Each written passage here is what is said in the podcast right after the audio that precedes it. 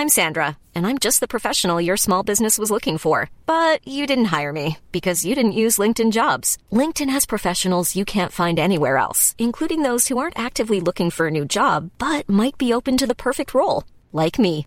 In a given month, over 70% of LinkedIn users don't visit other leading job sites. So if you're not looking on LinkedIn, you'll miss out on great candidates like Sandra. Start hiring professionals like a professional. Post your free job on linkedin.com/people today. Ryan Reynolds here from Mint Mobile. With the price of just about everything going up during inflation, we thought we'd bring our prices down. So to help us, we brought in a reverse auctioneer, which is apparently a thing.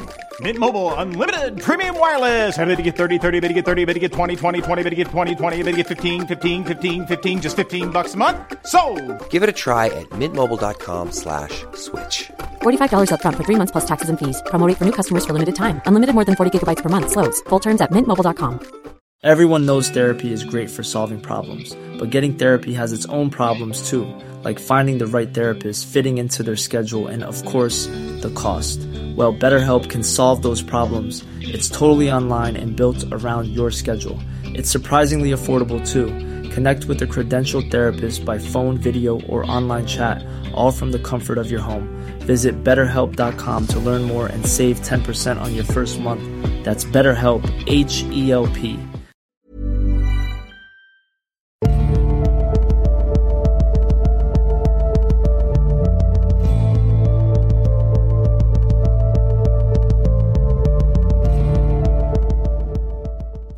Hei og velkommen til Tåkeprat. Jeg heter Even, og vi er nå kommet til episode 50.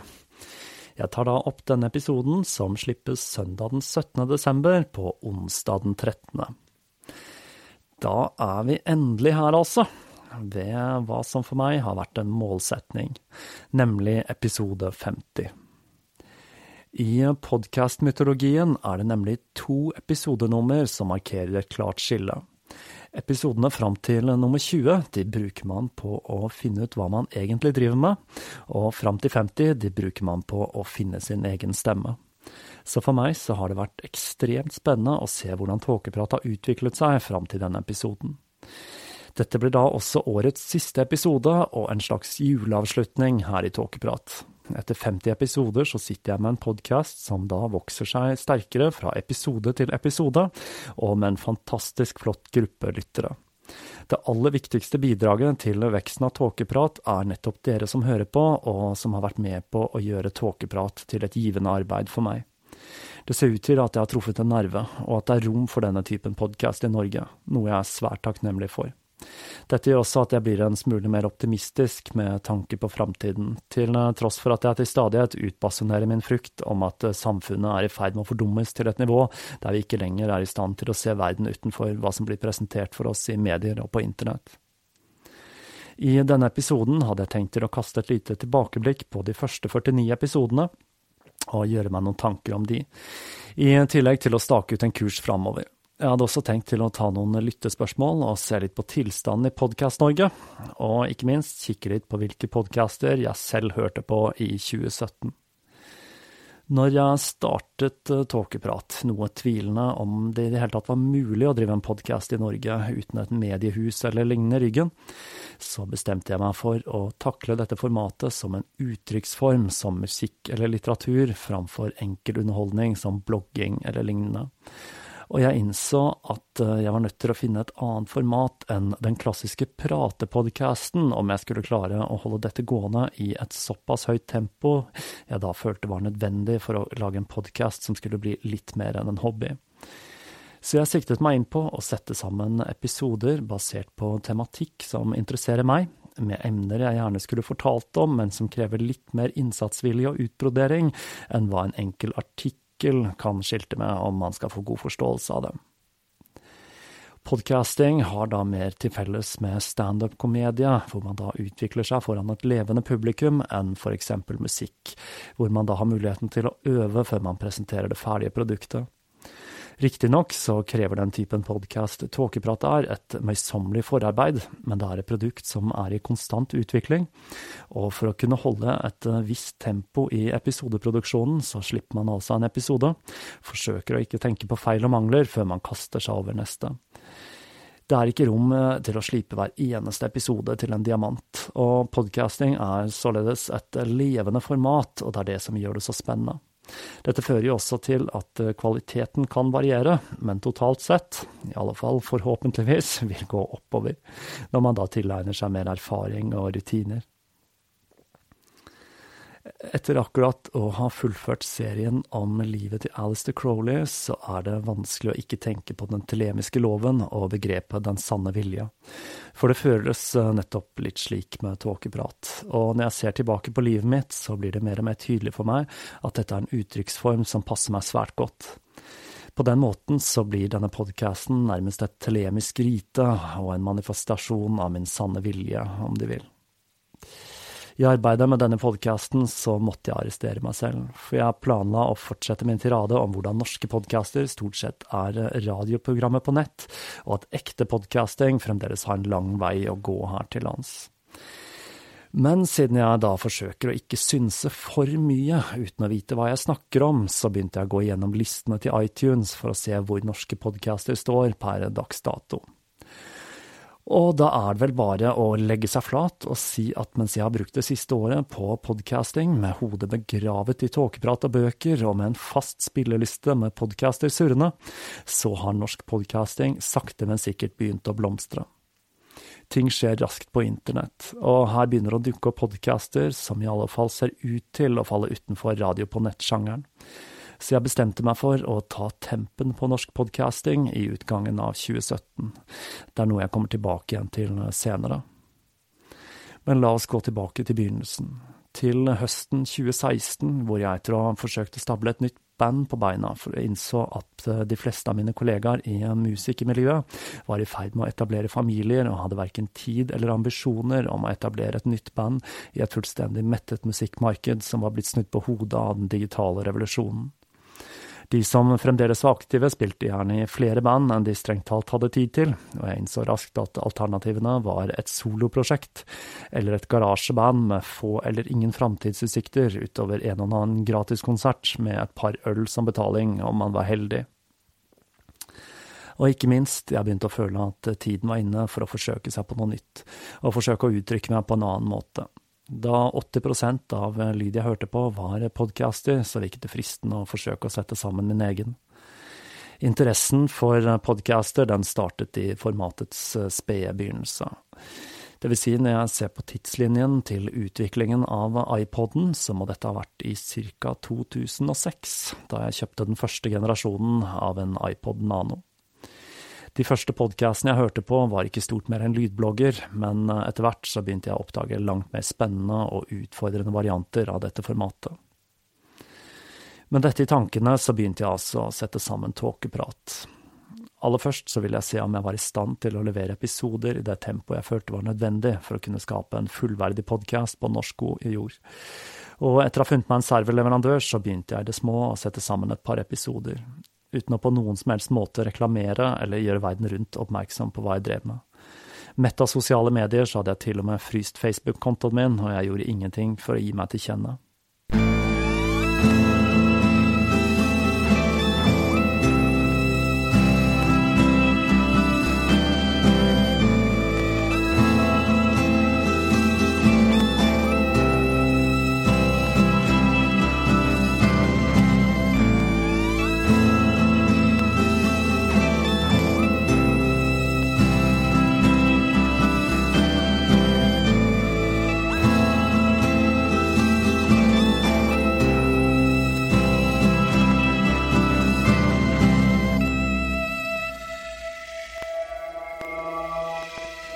Denne perioden så var det to ting som preget hverdagen min. Ed og Lorraine Warren, de to kjendisdemonutdriverne hvis historier har inspirert en rekke filmer som The Conjuring og Annabelle, og en person som har begynt å hjemsøke tåkeprat, nemlig Rudolf Steiner og hans trupp med disipler, antroposofene. Jeg bestemte meg for å ta opp episoden om demonutdrivelse først, som en liten test, for så å skrike ut min frustrasjon over steinerbevegelsen i episode to. Etter virkelig å ha gått denne bevegelsen etter i sømmene, og se hvordan en esoterisk kultbevegelse har fått et solid fotfeste og allmenn aksept i det norske samfunnet med løgn og bedrag, så var dette en frustrerende øvelse. Kanskje jeg en vakker dag vil lage enda en episode om denne galskapen som fremdeles får herje fritt her til lands. Denne episoden er da til dags dato den mest spilte tåkepratepisoden, og jeg har fått tilbakemeldinger som indikerer på at den har hjulpet folk som var i ferd med å bli involvert i denne kultbevegelsen, med å se da hva den egentlig dreier seg om. Men eh, siden dette var en svært tidlig episode, så kunne den selvsagt trengt eh, bedre struktur, og jeg skulle gjerne ha laget en oppfølgingsepisode. Men jeg får se om jeg orker, da, fordi jeg er så til de grader lei av biodynamisk landbruk, fysiognomisk pedagogikk og månegnomer at jeg kjenner det velter seg i magen bare ved tanken. Etter å ha tatt for meg en av mine absolutte favoritter i pulpsjangeren, Robert E. Howard, som i løpet av sitt altfor korte og plagede liv ga oss svulstig språk og fantastiske helter som Konan Barbaren og Solomon Kane, skulle jeg slå på stortromma. I ettertid så lurer jeg litt på om jeg kanskje burde ha ventet, men jeg klarte da ikke å styre meg. For en av de historiene jeg virkelig følte behov for å fortelle, hvor jeg virkelig følte et behov for å skille myte fra historiske fakta, var i historien om hva som nok var historiens verste kvinnelige seriemorder, Elisabeth Batory. Livet til denne ungarske adelskvinnen er blitt så myteomspunnet at eh, fortellingen om henne er blitt brukt som eventyr til å skremme ulydige barn, og i populærkulturen hadde livet hennes blitt til en fantasifull myte som har lite å gjøre med det egentlige livet til denne damen. I dette som ble den første serien i Tåkeprat, så blir vi introdusert for en grevinne som var langt mer komplisert og langt mer brutal og glad i stump vold enn hva både myter og eventyr har fortalt i ettertid. Jeg kommer nok aldri til å glemme den julen jeg feiret med Elisabeth. Med denne serien så begynte jeg også å motta meldinger fra lyttere som var svært begeistret for tåkeprat, og jeg begynte å skjønne at jeg var på rett spor. Med episode sju og åtte så dykket jeg ned i amerikansk folklore og tok for meg temaet jeg selv har vært nysgjerrig på i lengre tid, nemlig legenden om Bell-heksa, dette er en historie som har vært med på å inspirere en rekke amerikanske skrekkfilmer, som blant annet The Blair Witch Project. Og med episode ni så skulle jeg begi meg ut på den første ekstremt utfordrende serien her i Tåkeprat, en fortelling som til dags dato er min personlige favoritt, nemlig historien om Jeanne d'Arc. Et år før jeg begynte med podkasten, så ble jeg fascinert av denne fortellingen. Igjen en alle har hørt om, men som få kjenner detaljene til. Brent som kjetter, kanonisert i helgen, er vel en oppsummering av det de fleste vet om denne jenta, hvis ekstraordinære liv endret maktbalansen i hundreårskrigen. Dette som skulle bli en serie i fire deler, oppsummerer det politiske klimaet i Frankrike, før vi følger det vi vet om livet til denne jenta, fra hennes fødsel i Dombremy til hun ble brent som kjetter, i en historie som oser av politiske intriger og middelaldersk religiøsitet. Jeg rundet av denne med historien om hennes hærfører, Gilde Ree, som ble henrettet som en pederast, barnemorder og satanist. Dette var en historie som skulle vise seg langt mer komplisert å grave fram fra historien enn den om Jean. Å sette sammen historien om livet til denne mannen skulle vise seg å være et gigantisk puslespill. Etter dette så forsøkte jeg å sette sammen en eh, pratepodkast-episode, ved da å besøke min gode venn Jørgen i hans lille platebutikk på Youngstorget i Oslo. Jeg føler vel at jeg ikke helt har funnet måten å gjøre dette på for å få formatet til å passe inn i tåkeprat, men tematikken den er interessant nok, altså framveksten av fysisk format i et digitalisert samfunn. Mens jeg ladet opp til den eh, neste serien, så tok jeg for meg R. Gordon Wassons rolle i eh, gjenoppdagelsen av psykedelisk sopp i Vesten. En historie som nok er ukjent for de fleste, men som ville få enorme konsekvenser for ettertiden, noe vi kommer til å se senere her i Tåkeprat, for vi er langt fra ferdig med historien om den psykedeliske bevegelsen. Her er det mange emner og personer jeg har tenkt til å ta for meg. Så var tiden inne. Jeg hadde helt siden begynnelsen tenkt til å ta for meg en av mine absolutt største inspirasjonskilder og favorittforfatter, nemlig HB Lovecraft. Dette er en mann som skapte et univers fylt av unevnelige guder og grenseløs galskap. I denne serien så blir vi introdusert for livet til denne underlige mannen, som med sine historier beveger seg i et landskap mellom fiksjon og okkult lore, og som både påvirket og ble påvirket av en rekke andre personer som dukker opp her i Tåkeprat. Igjen så kom en liten pratepodkast-episode. Denne gangen så tok jeg turen til et flytesenter i Oslo for å snakke med Carl Christie, en svært bereist og pratsom skotte som sammen med sin svenske kone har startet et flytesenter for å introdusere nordmenn for denne alternative meditasjonsformen. Jeg vil igjen anbefale å sjekke ut dette fenomenet for dere som bor i eller i nærheten av Oslo, og hils gjerne Carl fra meg. Og så var tiden inne for å kaste seg over et tema som fikk meg til å bli svett i hendene. Jeg hadde altså bestemt meg for å plukke fra hverandre kjente temaer og forsøke å forklare hva som egentlig skjedde. Og denne gangen så skulle det ikke være en obskur person fra middelalderen eller en underlig skru av en forfatter, men den beryktede Jim Jones, kultlederen som sto bak et av de grusomste kollektive selvmordene i historien. For å kunne fortelle denne historien så trengte jeg mye tid, og som dere har sett i de siste delene av Tåkeprat, så har jeg senere valgt å heller legge inn en ekstra uke mellom delene når historien blir fryktelig lang, og heller lage lengre episoder. Dette ble da altså en føljetong i hele seks deler. Vi følger den karismatiske Jones fra hans barndom og oppvekst, gjennom hans karriere som predikant og senere kultleder, fram til den grusomme slutten i Guyana. I denne fortellingen så får vi virkelig se at eh, ting aldri er så enkelt som det blir fremstilt, for uh, dette er ikke bare en historie om en karismatisk kultleder, men også en fortelling om rasekamp i USA, og om hvordan systematisk undertrykkelse og segregering førte til at svarte tok imot en utstrakt hånd, selv om det var hånden til Jim Jones.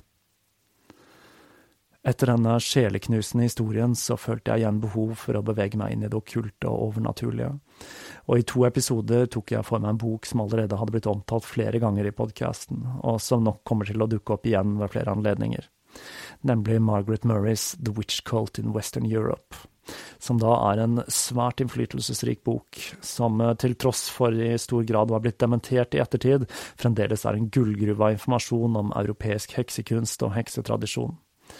Jeg har fremdeles et eh, indre bilde av de franske heksene med harelabbmerker på skulderen i deres hemmelige ritualer som formelig oser av forbudt sensualitet. Som om ikke Jim Jones og Folkets tempel var ille nok, så hadde jeg enda et obskurt tema jeg hadde lyst til å belyse, da jeg i min søken etter andre verdenskrig-tema hadde snublet over noe jeg hadde svært liten kjennskap til fra før, nemlig kvinner i Det tredje riket. I denne serien så tar jeg for meg kvinnebevegelser i Weimar-republikken, kvinner i maktposisjoner i Det tredje riket, kvinners delaktighet i folkemord i Øst-Europa, før jeg da kastet meg inn i hva som nok er den grusomste episoden av Tåkeprat så langt, og ikke minst den vanskeligste å fortelle, nemlig episoden om kvinners deltakelse i konsentrasjonsleirene og i Det tredje rikets forsøk på å oppnå raserenhet med eutanasiprogrammet. Jeg må innrømme at det var med en klump i halsen jeg fortalte om de britiske journalistenes første møte med grusomhetene i Belsen. Med en pust i bakken med en episode om Robert V. Chambers' banebrytende Kongen i gult, satte jeg i gang enda en serie med mere hekser. Nemlig episoden om hekseprosessen i Salem. Igjen en historie der det verserer en rekke bastante meninger om hva som skjedde, og de som mener mest, det er vel gjerne de som vet minst.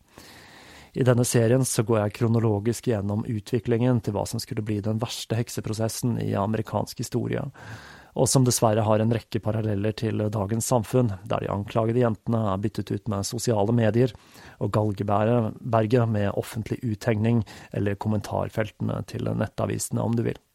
Så var tiden inne for en liten pause, og jeg dro på en ferie ved Middelhavet, hvor jeg da i tillegg til å fylle 40 år brukte tiden på å sette meg inn i det neste temaet jeg skulle ta for meg. Der på det greske fastlandet så kjente jeg inspirasjonen til Hekate og Nattens barn, og den 3. september kom en av mine favorittepisoder med den samme tittelen, en episode om vampyren, fra mytologi og folklore til litteratur og lerret. Det var naturlig for meg å følge opp denne med en serie om virkelighetens Dracula. Etter å ha dekket Elisabeth Bathori, som da inspirerte Lefanos Carmilla, så skulle det bare mangle at jeg ikke også skulle ta for meg Stokers inspirasjonskilde, Vlad Tepers, en mann hvis myte startet omtrent på samme tid som han levde, og som historiene etter sin død skulle vokse seg til å bli en, en av de grusomste menneskene som noen gang har vandret jorden. En av de tingene som kanskje gjorde mest inntrykk på meg i denne historien, var posisjonen kvinner hadde i det valakiske samfunnet. I Vest-Europa har vi allerede sett hvordan kvinner ved hoffet og i adelsstanden hadde en betydelig innflytelse på politikk og samfunnsliv. Men i øst, i Valakia, så hadde de en ikke-status. Så lav var den sosiale posisjonen at det spilte ingen rolle hvem moren til et barn var, kun farskapet hadde betydning for arverekken.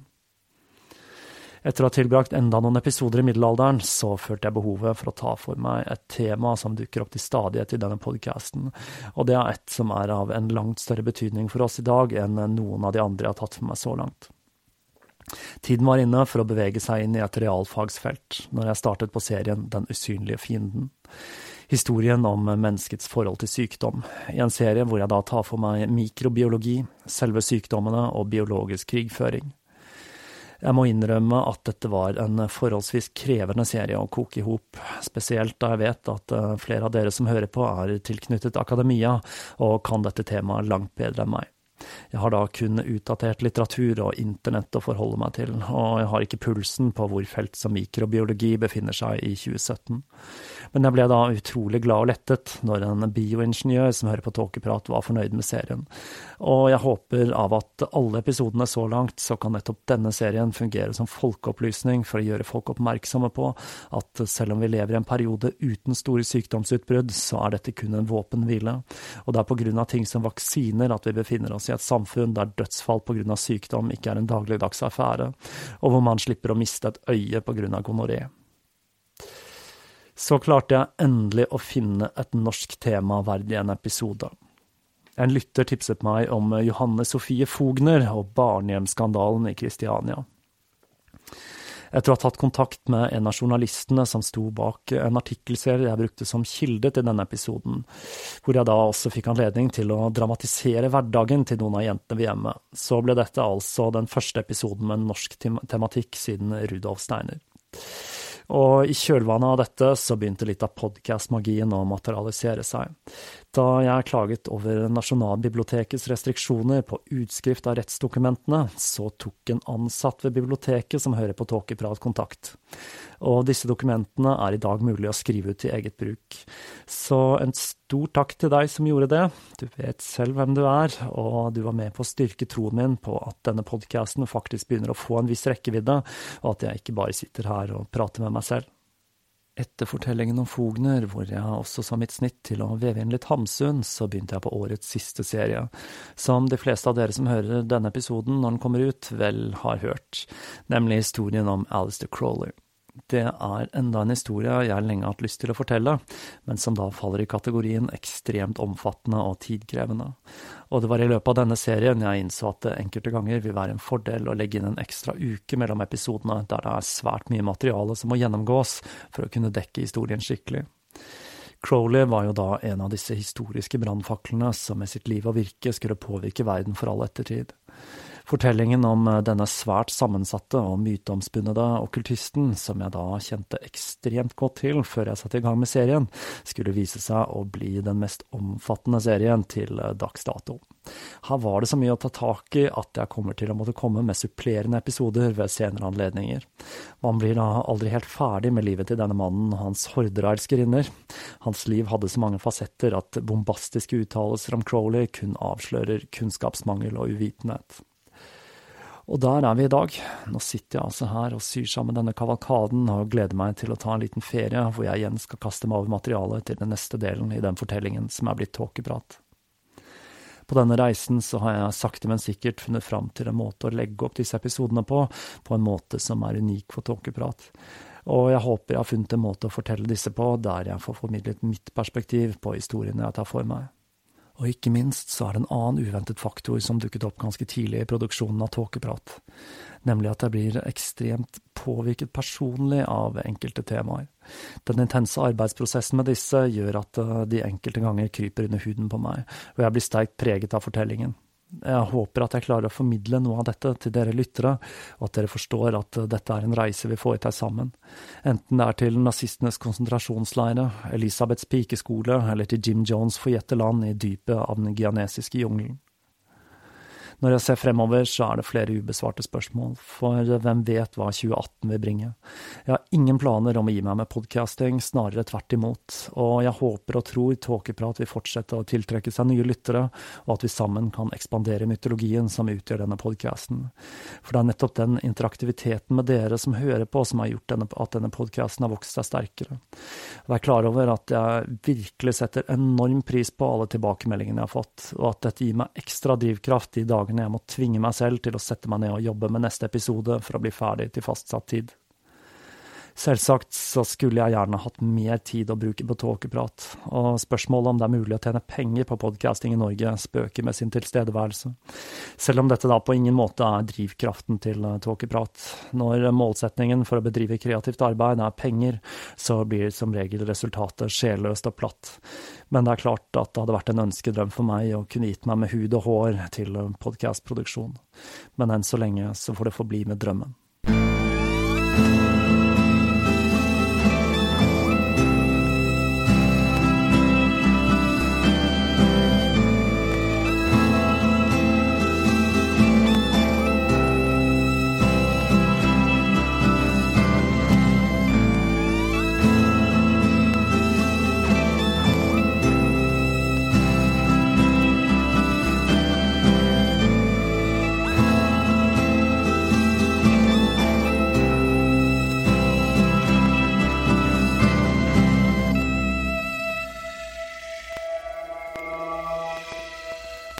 Mens vi snakker om eh, interaktivitet, så tenkte jeg skulle ta for meg noen av de lyttespørsmålene jeg har fått.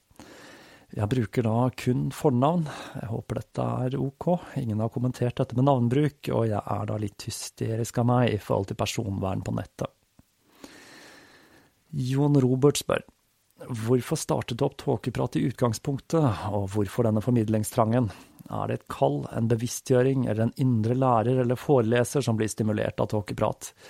Jeg er fascinert av folk som bruker så mye tid på en greie som ikke akkurat betaler seg i form av gods og gull. Først vil jeg da takke for spørsmålet, Jon Robert. Jeg har vel dekket delen om oppstart allerede, men når det gjelder denne formidlingstrangen, så har jeg gjort meg noen tanker.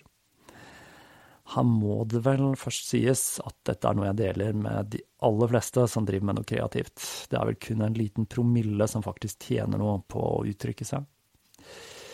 Jeg ser da på det å skape som en av de mest fascinerende og positive egenskapene til mennesket, og jeg føler vel at livet er rimelig innholdsløst for meg om jeg ikke bruker tiden på et eller annet kreativt.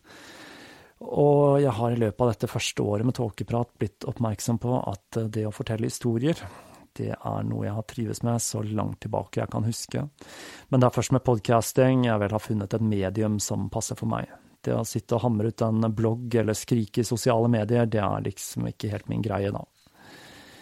Noen har det vel slik at eh, arbeid og barn gir eh, livet innhold. Vel, jeg sitter da ikke i et yrke der jeg føler at jeg gjør et stort bidrag til samfunnet, på samme måte jeg innbiller meg at enkelte, som for eksempel lærere eller forskere, gjør og jeg er også frivillig barnløs. Så for meg er det å kunne bidra med en del av meg selv enormt tilfredsstillende. Jeg syns også det er artig å kunne gå dypt inn i historier som opptar meg, og bidra til at folk får en dypere innsikt i til tider kompliserte emner på en enkel og lett tilgjengelig måte, og håper at folk kan ha like med glede av min podkast som jeg har hatt av andre sine de senere år. Og igjen, så nei, man blir jo ikke akkurat feit av å drive med podkasting i Norge. Årsregnskapet til Tåkeprat i 2017, det går ikke akkurat i pluss, for å si det sånn. Men det er da billigere enn å spille band, om man er utstyrsfrik, da, i det minste. Og så fikk jeg en kjempehyggelig og ikke minst svært velskreven mail fra Inga. Og jeg ser nå at velskrevet neppe kan bruke om svaret du fikk av meg. Så jeg får vel legge meg på sinnet at jeg ikke bør skrive mailer når jeg er på farta, da multitasking ikke er min sterke side. Men sånn er det nå bare. Inga spør, er det du sjøl som har laga kjenningsmelodien og musikksnuttene i episodene, og har du noen tips til musikk dine følgere bør høre? Kjenningsmelodien til Tåkeprat er en rest av den musikken jeg begynte å skrive før jeg bestemte meg for å kaste meg over podcasting. Kjenningsmelodien til podcaster er enormt viktig, da den skal vare livsløpet til podkasten, og er med på å sette lytteren i stemning før episoden. Og siden jeg hadde et par låter liggende, så føltes det riktig å ikke la disse gå til spille, og bruke litt av The Southern Cross, som låta heter, til kjenningsmelodi her i Tåkeprat. Selv så liker jeg låta svært godt, og jeg føler at den setter stemningen til podkasten på en god måte. Når det gjelder lydbrekkene, så er alle egenprodusert. Ideen var den jeg fikk etter de to første episodene, da jeg innså at det var kjekt med et lite pusterom i historiene. Til å begynne med så brukte jeg kun enkle små synsnutter, som kjøttkverna i episoden om Elisabeth Bathory, men etter hvert så har jeg også begynt å trekke inn litt akustisk gitar. Jeg må jo si at jeg ikke bruker så altfor mye tid på disse, det viktigste for meg er at de passer inn i tematikken, men jeg har på følelsen at dette er et element jeg kommer til å utvikle videre i 2018. 2018, men er da neppe til samme nivå som en del hardt produserte podcaster, som da gjerne bruker kontinuerlig musikk i bakgrunnen hele veien. Jeg liker det hele litt nakent og direkte.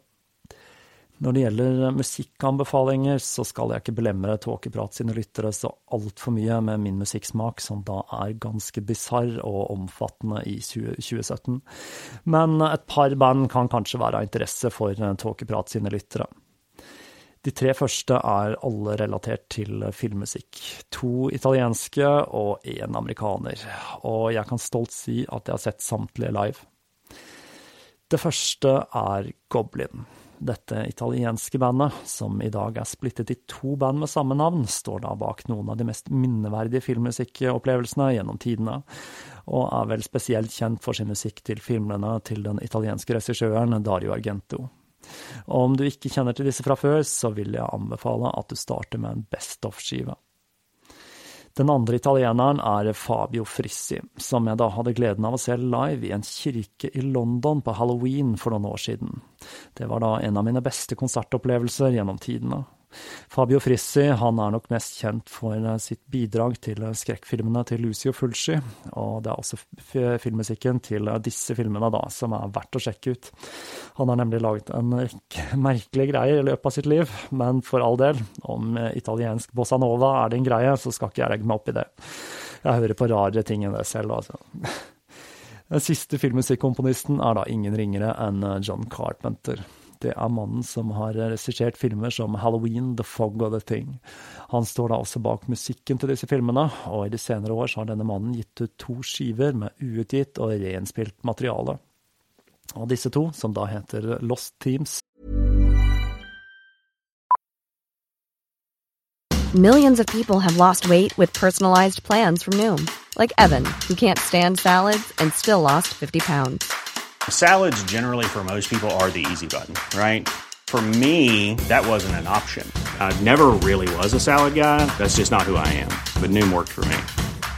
Get your personalized plan today at Noom.com. Real Noom user compensated to provide their story. In four weeks, the typical Noom user can expect to lose one to two pounds per week. Individual results may vary. Hey, it's Ryan Reynolds, and I'm here with Keith, co star of my upcoming film, If, only in theaters, May 17th. Do you want to tell people the big news?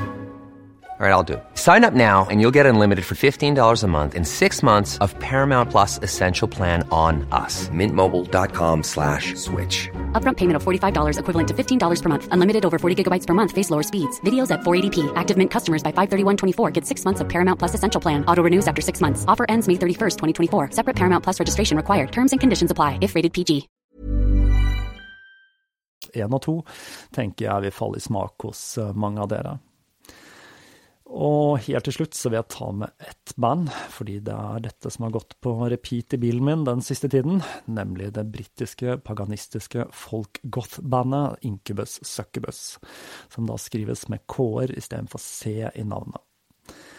Dette bandet, som ble startet i 1989, og som har gitt ut en hel haug med skiver av svært varierende kvalitet, holder fremdeles koken. Og jeg velger å ta det med her, da dette er et vaskekte paganistisk band med dype røtter i annet vikka og moderne heksekunst. Incubus Succubus har altså produsert en hel haug med album, og der mange band blir bedre, eller ofte, som jeg har inntrykk av gjelder de fleste band, dårligere med tiden, så varierer dette enormt fra utgivelse til utgivelse med Incubus Succubus. Dette er et ganske skranglete band, men da jeg setter pris på den slags, så har de en stor stjerne i boka hos meg. Nå for tiden så går da det siste tilskuddet i diskografien deres, Bela Snap, Tales of Witchcraft and Wonder, på anlegget i bilen min. Dette er et album som absolutt er verdt å lytte på om du har en liten paganist i magen. En annen skive som kan anbefales fra deres enorme diskografi, er The Goat fra 2011, som nok er en av de mer ryddige produksjonene de kan skilte med.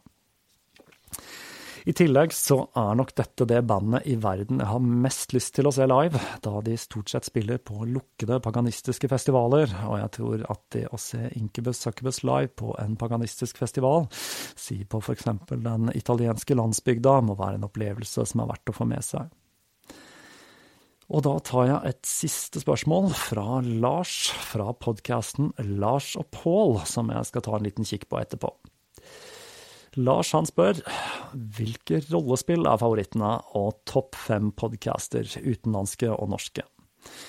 Podkastspørsmålet, Lars, det skal du få et grundig svar på etterpå, så da går vi rett over i nerdepratdelen av denne episoden og tar for oss rollespillene, altså.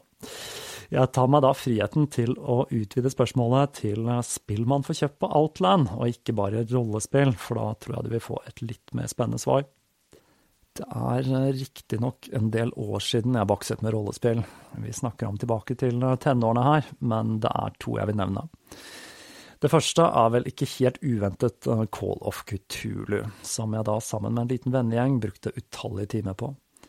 Det er mulig jeg husker feil, for det er lenge siden, men jeg tror vi brukte flere år på å komme oss gjennom modulen Horror at the Orient Express. Vi hadde da en knallhard GM, og karakterene de døde som fluer mens vi kjempet oss gjennom Lovecraft-monstre på Orientekspressen.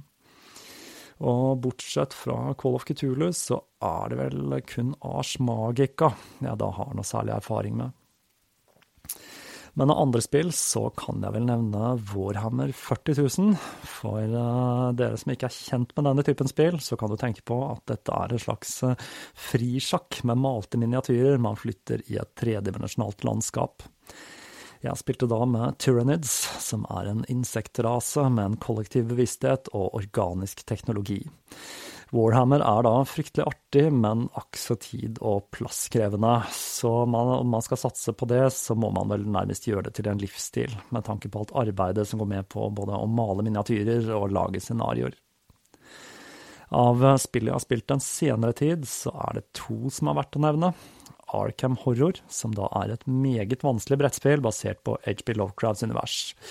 Men vanskelig så mener jeg at det er vanskelig å vinne. I dette spillet så kjemper da spillerne sammen mot spillet. Jeg har da sett dette spillet omtalt som The Evil Board Game That Wants You Dead, og dette er et ganske artig spill for Lovecraft-fans.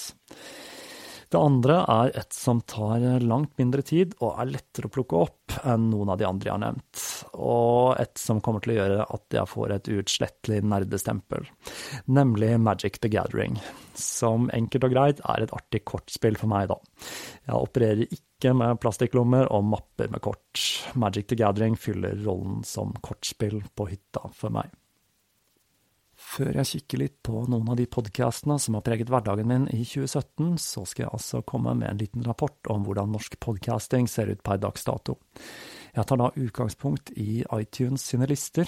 Det finnes da alternativer til iTunes som bruker iTunes-databasen på nett, for de som da ikke er festet til Apple med navlestrengen slik som meg. Men jeg har da altså kikket litt på disse listene for å få en følelse av hvor podcasting befinner seg i utgangen av 2017. Et tips som du leter etter podcaster, det er å gå inn i underkategoriene i iTunes, som kultur og samfunn, hvor du da annet finner tåkeprat, og se gjennom lister av eh, podcaster der. Etter å ha studert eh, disse en stund, så biter jeg meg merke i at plassering til podcaster de varierer voldsomt. Tåkeprat hopper da gjerne opp og ned mellom 25. og 140. plass, gjerne flere ganger i løpet av en dag, og dette ser ikke ut til å ha noe å gjøre med antall avspillinger men det er tydelig at ratings og anmeldelser har en finger med i spillet. Jeg la også merke til at rankingen min bykset i været etter kronikken min ble publisert, uten at dette så ut til å ha noen sammenheng med lyttertall, så algoritmen til iTunes den er og forblir et mysterium for meg. Selv om jeg kun har tid til å høre noen enkeltstående episoder her og der, og da ikke vil komme med noen bombastiske utsagn om enkelte podcaster, så ser det allikevel ut til at ting begynner å røre seg i Norge. Fremdeles er listen preget av amerikanske og svenske podcaster, men en og annen norsk begynner å titte fram. Tåkeprat har også en del svenske lyttere, så jeg vil da benytte anledningen til å si hei til dere, og si at svenskene ligger nok en del i forkant når det gjelder podcasting, og de kan skilte med flere som gjør det svært godt i Norge. Her må vel både Mølpodden og Alla våra ligg, som gjør det stort i kultur og samfunn, nevnes. Selv om jeg må skyte inn at konseptene høres mistenkelig like ut på My Favorite Murder og Guys We Fucked, som da er to gigantiske amerikanske podcaster. Det er jo for så vidt ikke noe galt til det, alle har jo sin stemme og sitt eget uttrykk, og dette er da kun basert på navn og beskrivelse. Jeg har da enda ikke hørt disse, altså. Jeg bestemte meg for å høre på et knippe podcaster fra ulike sjangere og av ulik popularitet. Så langt så har jeg da vært innom Konspirasjonspodden, Dialogisk, Veganpodden og Lars og Pål. Og jeg har da kun hørt én episode av hver, så mine kommentarer får bli med et stort forbehold. Konspirasjonspodden er da en av Norges mest populære podcaster, og tar da selvsagt for seg konspirasjoner, og forsøker å komme til bunns i de for å se om det er noe hold. Jeg hørte da episoden om Flat Earth, som er en irriterende konspirasjon jeg vet mer om enn jeg skulle ønske jeg visste. Og denne episoden den var gjennomført og bar preg av god redigering og godt forarbeid. Det eneste jeg kan si jeg savnet, var koblingen mellom Flat Earth, jøder og frimurere. Men man kan da ikke ta med alt heller, så det er en viss fare for at jeg kommer til å høre flere episoder av denne podkasten. Dialogisk er en av de andre virkelig store podkastene, og siden Dag Sørås, som er en av, om ikke den beste standup-komikeren i Norge, er en av programlederne her, så forventet jeg jo en del humor, og der tok jeg feil.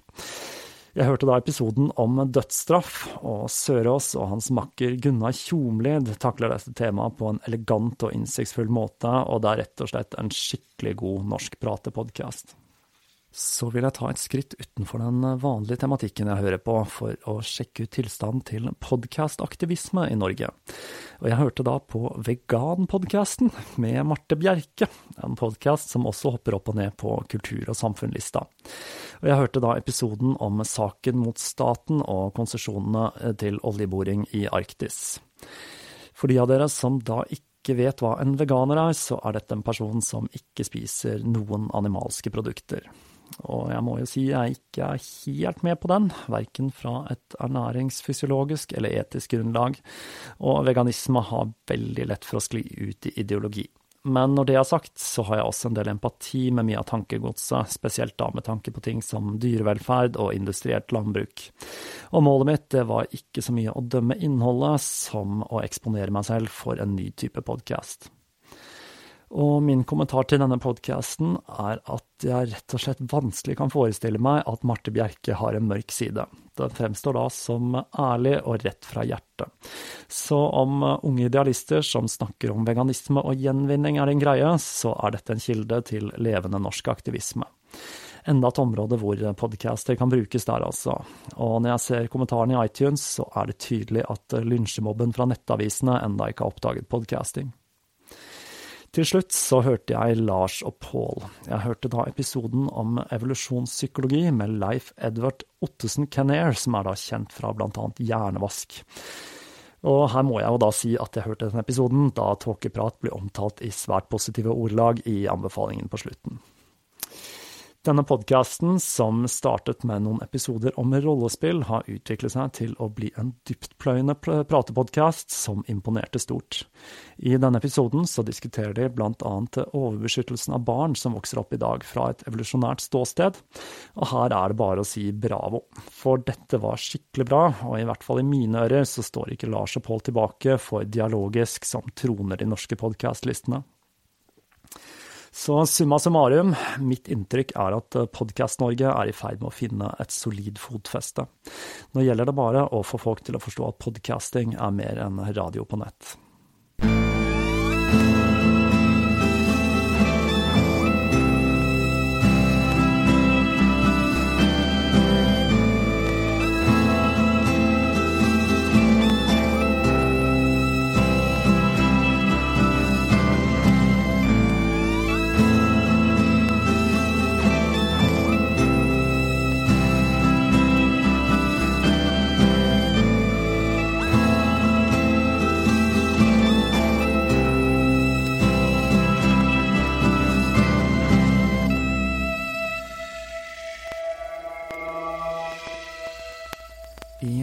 2017 så har det ironisk nok blitt mindre podkastlytting på meg. Dette skyldes da at jeg i arbeidet med tåkeprat hører en del lydbøker, og disse tar opp mye av tiden jeg tidligere ville ha brukt på podcaster. Men jeg innbiller meg at jeg nok ligger i det øvre sjiktet av timer brukt på podcastlytting per uke i befolkningen. Så jeg tenkte å kikke litt på de ulike podcastene som preget hverdagen min, og disse kan vel puttes i to kategorier. De jeg hører nesten hver eneste episode av, og de jeg hører en og en annen episode med. Her må det jo også sies at hvilke podcaster jeg hører på, det endrer seg til stadighet. Noen faller fra, og andre dukker opp, så dette er bare et lite utvalg av podkastene jeg hører på. Aller først så tenkte jeg å ta for meg de norske podkastene. Her har jeg dessverre få anbefalinger å komme med, da det er svært få jeg hørte på i 2017. Jeg tror mitt nyttårsforsett for 2018 blir å utvide horisonten, nettopp med tanke på norske podcaster. Den første jeg vil nevne, er da selvsagt eh, Saltklypa. Det er da denne podkasten jeg omtalte i episode 48, og den trenger vel neppe mer omtale her i Tåkeprat med det første.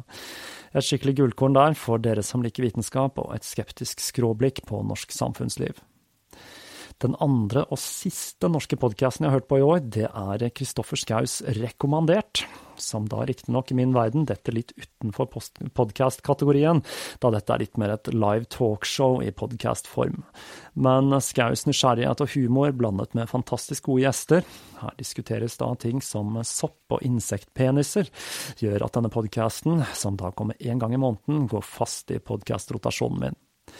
Her må jeg også si at Kristoffer eh, Schou er en person som hopper tidlig på podcasting. Han står bak en rekke podcaster som nok er verdt å sjekke ut. Kristoffer Schou kan vel nærmest sies å være en egen podkastsjanger. Og det var de to norske jeg hadde på lista. Jeg skal forsøke å komme med flere anbefalinger av norske podcaster etter hvert som jeg får dratt hodet opp av stabelen med bøker og hørt litt mer på hva som befinner seg der ute. Blant de utenlandske, der har jeg derimot en god del å komme med. Jeg biter meg merke i at svært mange av disse i år har vært sentrert rundt podkast-scenen i LA, og det har sin naturlige forklaring, og den er Joe Rogan Experience. Joe Rogan er kort fortalt podcastingens skytshelgen og selve episenteret til podcasting.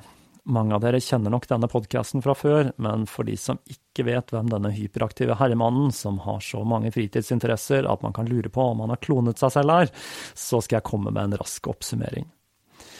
Joe Rogan er da en amerikansk standup-komiker og kampsportentusiast som tjente seg steinrik som programleder i TV-serien Fair Factor, og i dag er kommentator for verdens største MMA-organisasjon, UFC, i tillegg til å drive med standup og podcasting. Joe Rogan Experience er en massiv podkast som er i ferd med å nærme seg 1100 episoder, og med en gjennomsnittlig episodelengde på rundt tre timer, så er det ikke få timer som ligger tilgjengelig på nett. Denne podkasten er da en av verdens største, og har flere lyttere enn det bor mennesker i Norge, og dette er selve gullstandarden innen podcasting. Det som gjør denne podkasten så fantastisk bra, er en kombinasjon av flere faktorer. Joe Rogan har med de noen av tusen episodene blitt en av de beste i verden til å føre en god samtale, for det er nettopp det som er innholdet i denne podkasten – lange og gode samtaler. Den andre faktoren er gjestene, for med den ekstreme populariteten og veksten til podkasten, så har Joe Rogan hatt æren av å ha noen av de mest prominente personlighetene innen en rekke felt i studio. Fra musikere som Metallicas James Hetfield og regissører som Guy Ritchie, til monolitter innen vitenskapsformidling som Neil deGrasse Tyson og Lawrence Krauss. Noe som belyser den tredje faktoren, nemlig bredde. Her finner vi en hel haug med temaer som trening, kosthold, jakt, MMA, standup, ufo, Bigfoot, vitenskap, musikk, film, samfunn og politikk, alt i en uformell og avslappet setting. Og Joe Rogan må nok ta sin del av æren, eller skylda om du vil, for at podkastsjangeren nærmest har eksplodert i statene, og at alle nå skal ha sin egen podkast. Dette er da en podkast jeg hører de aller fleste episodene av, selv om det må sies at det er en og annen episode jeg hopper elegant over om tematikken er uinteressant. Selv om jeg må si at når jeg har hørt disse, til tross for temaet, så blir jeg ofte overrasket over, over hvor interessante de kan være. Men det spiller liten rolle når det som regel kommer tre episoder av tre timer per uke. Første gang jeg hørte om denne podkasten, var i en annen podkast som for alltid vil ha en spesiell plass i hjertet mitt, nemlig Lorenzo Haggardys Psychedelic Salon. Lorenzo var en tidligere advokat som så lyset og ble en del av den psykedeliske bevegelsen en gang på 80-tallet. Han ble ofte referert til som The Podfather, da eh, Psychedelic Salon var en av de første podkastene som virkelig skilte seg ut og fikk en trofast lytterskare, hvorav jeg var en. Denne podkasten består av foredrag fra kultfigurer fra den psykedeliske bevegelsen. Her finner vi da blant annet de komplette forelesningene til Terence McKenna og Timothy Leary, i tillegg til en rekke andre som Alan Watts og Aldous Huxley. Og vi finner også nyere forelesninger fra forskjellige personer og arrangementer, som Bruce Damer, som da er et eh, hippie-datageni som jobber for NASA, og forelesningsseriene fra den massive festivalen Burning Man. Nå må det jo da sies at jeg har hørt lite på Psychedelic Salon de siste årene, da jeg nok har hørt meg gjennom det meste av eh, forelesninger fra mange av de store i denne bevegelsen. Men uh, denne podkasten er alltid verdt å nevne i en podkastoversikt, da dette er en flott kilde til alternative ideer og skikkelig tankevekkende foredrag fra noen av de skarpeste og annerledestenkende hjernene i vår tid, og ikke minst fordi Lorenzo er en pioner og en foregangsfigur i podcasting. Som dere vil se, så er det ikke så altfor mange podcaster i tåkepratsjangeren på denne lista, men her har dere en som etter hvert har funnet veien inn i den ukentlige rotasjonen min, nemlig The Last Podcast on the Left. Dette er en humorpodkast som er innom mye av den samme tematikken jeg er borti her i Tåkeprat, men de har da en helt annen innfallsvinkel, og samspillet mellom de tre som driver denne podkasten er utrolig bra. Ikke minst improvisasjonen blåser et helt nytt liv i historiene det forteller, og humoren virker som en comic relief, da de tidvis håndterer svært grusomme temaer. Jeg setter nok da spesielt pris på episodene der de dykker dypt ned i konspirasjonsteorier og ting som ufo-fenomenet. Her må det sies at episodene bærer preg av grundig forarbeid, og at de til tross for humoren stort sett setter seg grundig inn i temaene de tar opp. Disse gutta har også kastet seg på hva som er blitt en trend i podcasting de senere år, og har en rekke liveshow også utenfor statene. Jeg håper jeg skal klare å få med meg et av disse en vakker dag, og de kan også skilte da med ukentlige episoder. Mens vi snakker om podcaster i true crime-sjangeren som gjør suksess med liveshowene sine, så må jeg nesten nevne en annen podcast som har blitt et fenomen de siste årene, nemlig My Favorite Murder. Dette er da en podcast som faller i kategorien høre på av og til for meg. Men de to damene som driver denne, Karen Kilgardiff og Georgia Hardstark, har et fantastisk samspill som har gjort at denne podcasten, som også blander grotesk tematikk med humor, har fått et enormt publikum og høster enorm suksess med sine liveshow, som nå har nådd utenfor grensene til USA. Så langt faktisk at de kommer til Oslo og Folketeatret den 9. mai 2018, og jeg sikret meg da billetter til denne livepodkasten så raskt de var tilgjengelig. For en som selv driver med podcasting, så er dette mulighet til å se to av de virkelige stjernene i podcastverden live der, altså. Her må det sies at disse to damene, i motsetning til The Last Podcast on the Left, nok ikke bruker like mye tid til å sette seg inn i temaene, men det er da også litt av sjarmen til denne duoen. En ting jeg lurer fryktelig på, er hvordan de to damene vil reagere på norsk publikum. I Statene så har de nemlig det mest støyende publikummet jeg har hørt siden Beatles var på høyden, og det er vel en viss fare for at det blir en relativt stor kontrast til hva de vil oppleve, oppleve i Norge med oss forsiktige nordmenn. Her bør vel kanskje også nevnes at de to har en veldig tung Valley Girl-sosiolekt, med heftig vocal fry og upspeak, men man venner seg da fort til det, og My Favorite Murder har virkelig funnet en unik vinkling på emneknaggen true crime. Mens vi er inne på humor og LA, så er det én podkast som utmerker seg for meg som den morsomste podkasten noensinne. Den har riktignok inntil 15 minutter med reklame i begynnelsen, men den er da lett å spole over, og podkasten det er Your Mom's House. Dette er en podkast drevet av to standup-komikere som er gift, Tom Segura og Kristina Pachitski. Stikkordet for denne er absurd humor. Jeg kan tenke meg at det kan være forholdsvis vanskelig å komme inn i denne for første gang, da store deler av podkasten består av internhumor som har bygget seg opp over de årene de har driftet denne. Men jeg kan bank i bordet si at jeg aldri ledd så hardt av noen podkast noensinne som av Your Mom's House. Jeg bør kanskje advare om at denne podkasten, som kommer én gang i uka, er en du absolutt ikke bør spille høyt på kontoret, da lydklipp med kroppslyder og porno er faste innslag. Men ikke la deg lure, under all underbuksehumoren så lurer intellektet til to av verdens mest briljante komikere. Når eh, det gjelder podcaster med mer seriøse temaer igjen, så har eh, Sam Harris sin Waking Up-podkast en eh, fast plass i rotasjonen min. Her hører jeg riktignok ikke alle episodene, men dette er en av de beste podkastene om kultur og samfunn. Sam Harris er en filosof med doktorgrad i neurovitenskap og med en heftig bakgrunn og erfaring fra meditasjon, som da regnes som en av de store nye ateistene. Da sammen med Richard Dawkins og den gjengen der. Og som resten av den gjengen der, så har han eh, sine kjepphester. I Sam Harris sitt tilfelle så er dette islam. Noe som fører til at han har blitt en skyteskive for en rekke grupper i samfunnet, ikke minst og bokstavelig talt for islamister. Han er da avhengig av ekstremt sikkerhetsoppbud der han holder foredrag, og det er kanskje akkurat dette som har fyret han opp slik at islam er et gjennomgangstema som til tider det kan bli litt i overkant av. Han er også en av de argeste motstanderne av Donald Trump, noe som til tider kan være svært fornøyelig. Men når det er sagt, så er Sam Harris en av de mest gjennomtenkte og velartikulerte personene i podkastverdenen, og podkasten hans kan skilte med en rekke veldig interessante gjester og spennende tema. En annen podkast som absolutt er verdt å nevne her, men som kanskje har dettet litt ut av rotasjonen min det siste året, er Christopher Ryans Tangentally Speaking. Christopher Ryan er da forfatteren av Sex at Dawn, som er en kontroversiell bok som ser på menneskelig seksualitet og samliv fra et biologisk ståsted. Christopher Ryan er en herlig fyr med en flott stemme som tar for seg ting som alternativ livsstil og seksualitet, og han har et forfriskende syn på amerikansk samfunnsliv, da han har levd store deler av livet i utlandet og brukt årevis på tiden som backpacker over hele kloden. Per dags dato så podcaster han fra en van mens han cruiser rundt i statene. Og det går ikke an å snakke om podcaster uten å ta med seg en annen monolitt i podcastverdenen nemlig Dan Carlien og hans Hardcore History, som eh, troner også på de norske listene. Hardcore History kan vel mer beskrives som en lydbok enn en podkast. Med radioveteranen Dan Carlien bak mikrofonen, så er dette en ren fest å høre på. Dette er uten tvil den mest grundig og velinnspilte historiepodkasten i verden.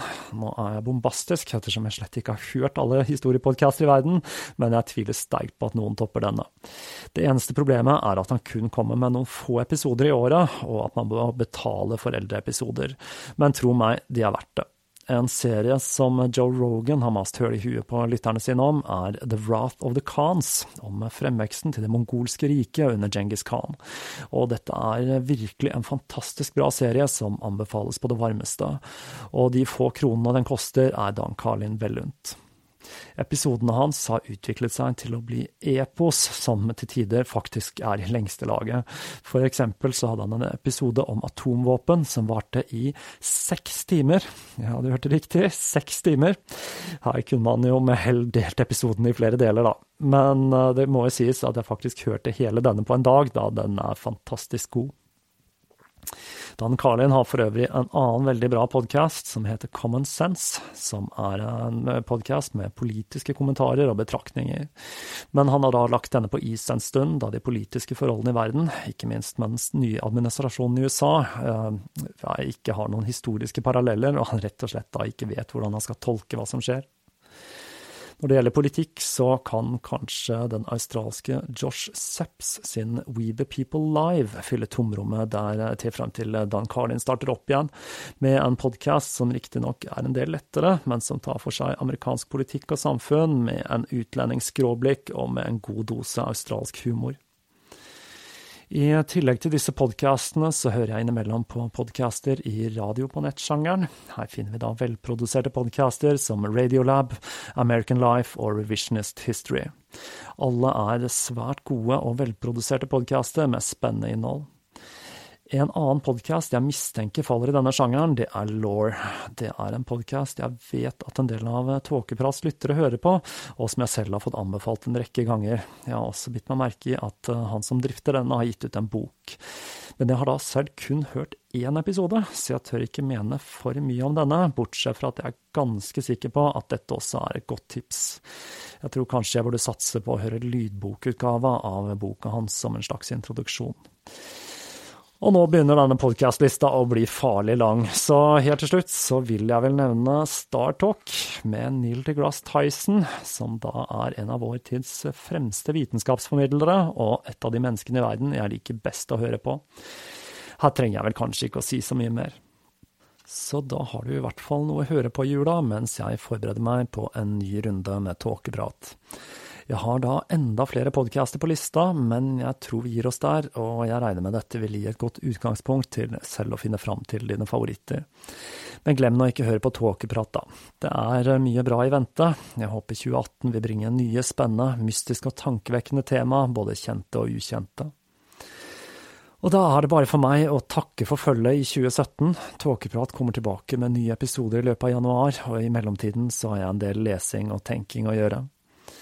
Fram til det så vil jeg oppfordre til å gi Tåkeprat noen stjerner i iTunes, og gjerne skrive en liten anmeldelse, og ikke minst tips en venn som kan ha gleden av tåkeprat om denne podkasten.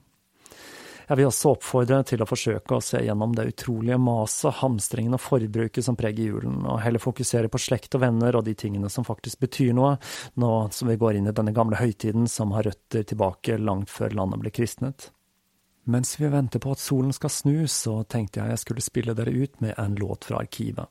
Så jeg rotet rundt i musikkskuffen og fant den jeg spilte inn i 2004, i en tid da jeg fremdeles var ung og lovende i forbindelse med en annen innspilling, men som jeg da aldri har fått brukt til nå, da den aldri helt passet inn i det jeg holdt på med, og den er ganske skranglete. Men jeg syns denne låta har mye stemning og mye sjarm. Teksten den er tatt fra The Raven, fra det meget eh, kjente diktet til Edgar Allan Poe, og jeg tenkte denne kunne passe som en aldri så liten julesang her i Tåkeprat. Og med det så vil jeg ønske dere alle en riktig god jul og et godt nytt år. Lev vel.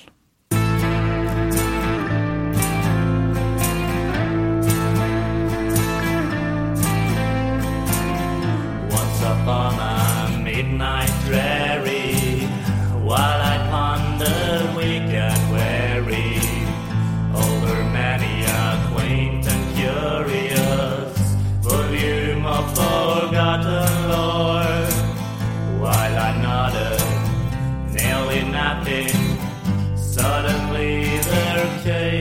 I stop some gently rapping, running